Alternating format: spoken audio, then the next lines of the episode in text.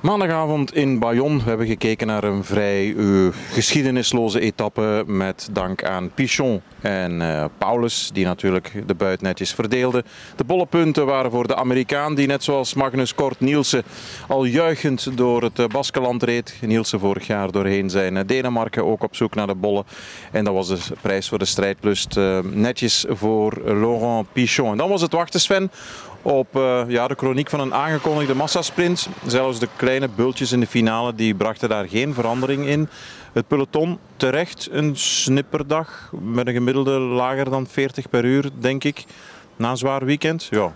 Ja, een beetje logisch denk ik als je kijkt naar uh, de afgelopen 20 jaar. Zitten er in die eerste drie, vier etappes toch wel van die etappes tussen dat er zo eens even uh, de benen wordt gestrekt. En uiteraard door die twee lastige eerste ritten leek het mij logisch uh, dat dit vandaag ging gebeuren. En uiteindelijk hebben we gekregen wat we allemaal voorspeld hadden. Dat was een, een massasprint met alle namen eigenlijk op post. -hmm. Want als je kijkt naar die top 10, ze staan er inderdaad allemaal van Kokar. Uh, alleen Bauhaus is misschien de grote verrassing, ja. bij manier van spreken. Duitsland uh, krioelt weer van geluk, uh, juicht van geluk omdat ze weer een sprinter hebben. Maar goed, daar gaan we het niet over hebben.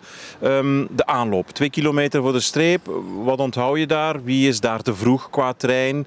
Um, ik geef zelf een voorzet. Ik, ik, vond het goed om te zien, aangenaam, dat uh, Ineos en UAE, die hebben zich een beetje onthouden en, en niet komen storend rijden binnen die laatste drie kilometer. Dat hebben we niet gezien, zoals in de, in de Vuelta bijvoorbeeld, of in de Giro, veel feller.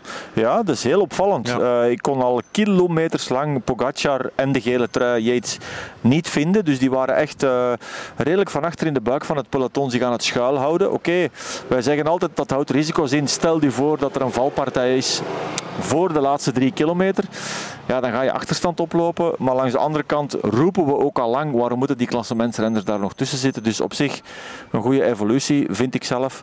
Um, en wat vooral ook opviel is dat veel ploegen heel veel werk hebben opgeknapt tussen, laten we zeggen, kilometer 8 en kilometer 2.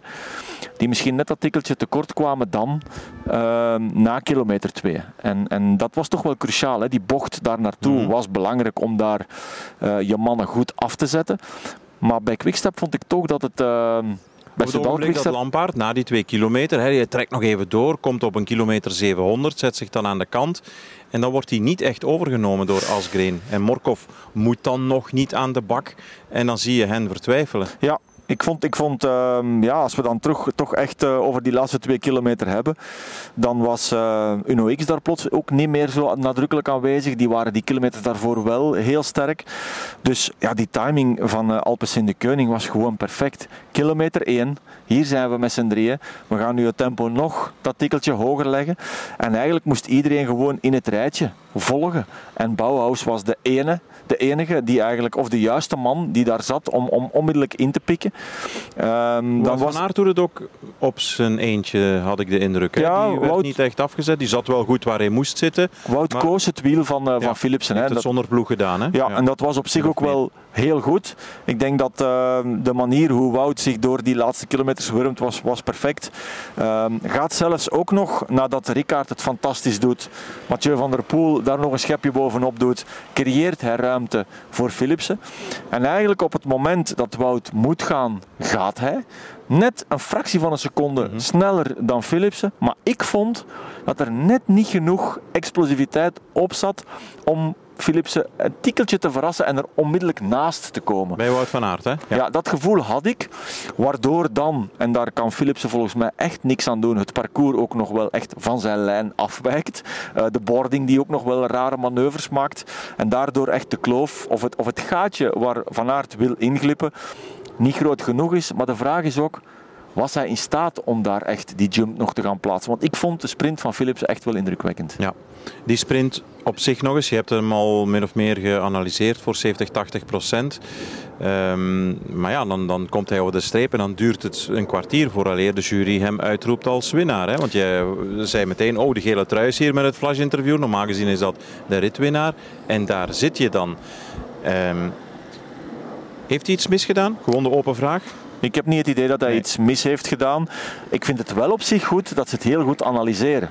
We moeten niet wachten om te analyseren totdat er een extreme valpartij is gebeurd. Of dat iemand klacht gaat indienen. Gewoon de jury is het zelf gaan bekijken. Ja, dus dat vind ik wel heel belangrijk. En, en ik, ik vind dat ze de juiste keuze hebben gemaakt. En als er ergens een fout gemaakt is, dat heeft uh, José en Renaat ook al in de tv-uitzending gezegd dan ligt het probleem bij de organisatie en degene die daar die laatste kilometer neerlegt. De boarding en de manier hoe dat, dat daar is uh, uitgewerkt. Ja, als je gewoon één lijn volgt, dan kom je gewoon op een bepaald moment op een vernauwing terecht. En daar op dat moment net, laten we zeggen, op een goede 75, 100 meter van de finish uh, komen ze met elkaar bijna in contact en uh, houdt Wout van Aert de benen stil. Maar... Omdat hij van het midden komt, vanuit het midden van de weg, Philipsen, en de bocht naar rechts draait, houdt hij eigenlijk zijn lijn min of meer, een rechte diagonaal. Je ziet wel vanuit de lucht, hij voelt van aard komen. Um, en dan is ze bijna gelijktijdig het lichaam van Philipsen dat een fractietje naar rechts gaat en de boarding die ook naar binnen komt. En dat zijn die twee factoren waardoor Net van Aert heel snel ziet denken, dit ga ik niet doen. Ja, geen Ronde van Polen toestanden. Nee, maar als hij echt de punch moest gehad hebben, zou hij misschien het risico wel genomen hebben. En ik denk dat dat, als hij eerlijk is met zichzelf, dan denk ik dat dat net een tikkeltje te kort kwam. En daar is ook niks mis mee als mhm. je kijkt welke inspanningen hij de afgelopen dagen heeft geleverd. Het is ook menselijk dat hij hier nu misschien net dat tikkeltje frisheid tekort zou komen. Hoe straf is dit van, van uh, Jasper Philipsen? Hè? Vorig jaar debutant twee keer winnen. En nu meteen, ja, laat ons een kat kat noemen, een eerste massasprint. Daar hangt heel veel stress aan vast. En he delivers.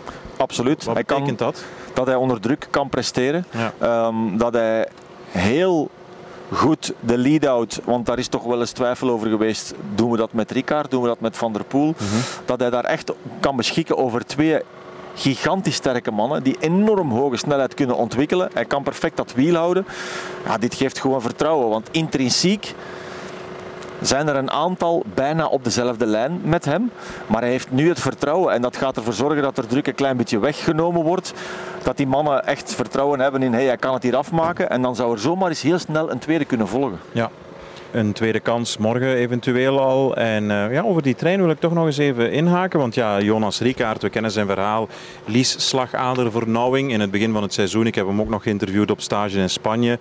Um, had amper kunnen trainen. De jongens gingen fietsen. Hij zat beneden in de fitness. Uh, eigenlijk, zoals wij zeggen, zijn kas op te fretten. Omdat hij niet mee kon gaan fietsen. Een paar maanden later is hij hier in de Tour. Maar normaliter is hij wel de laatste man natuurlijk. Uh, je hebt daar nog een, een, geweldige Van der Poel boven staan, zoals, zoals hij deed in Tirreno Adriatico. Zouden beide rollen ook kunnen worden omgedraaid bij wijze van verrassing? Dat denk ik wel. Ik denk dat ze daar uh, toe in staat zijn om inderdaad uh, Ricard als, als, uh, als lead-out echt uit te spelen. Mogen ook niet vergeten, ik dacht ook even nog in de Elfstedenronde dat we Ricard niet in de Tour zouden zien. Die ging daar tegen de grond, mm -hmm, net voor de kasseien, waar ik dacht, hij breekt hier zijn sleutelbeen. Dus er heeft wel wat op zijn pad geweest de mhm. afgelopen maanden en zelfs meer dan een jaar. Maar hier staan nu en, en zo inderdaad ehm, ja, presteren, vertrouwen geven aan uw kopman. Ja, daar zit de sfeer wel goed, denk ik, vandaag. Beschrijf Philipsen als sprinter. Zonder echt te vergelijken, want iedereen is uh, verschillend natuurlijk. Wat zijn zijn kwaliteiten? Waarom is hij zo rap? Um, ja, het heeft ook te maken uiteraard met, met, met timing, uh, de kalmte bewaren wanneer het moet. Maar typeer hem eens.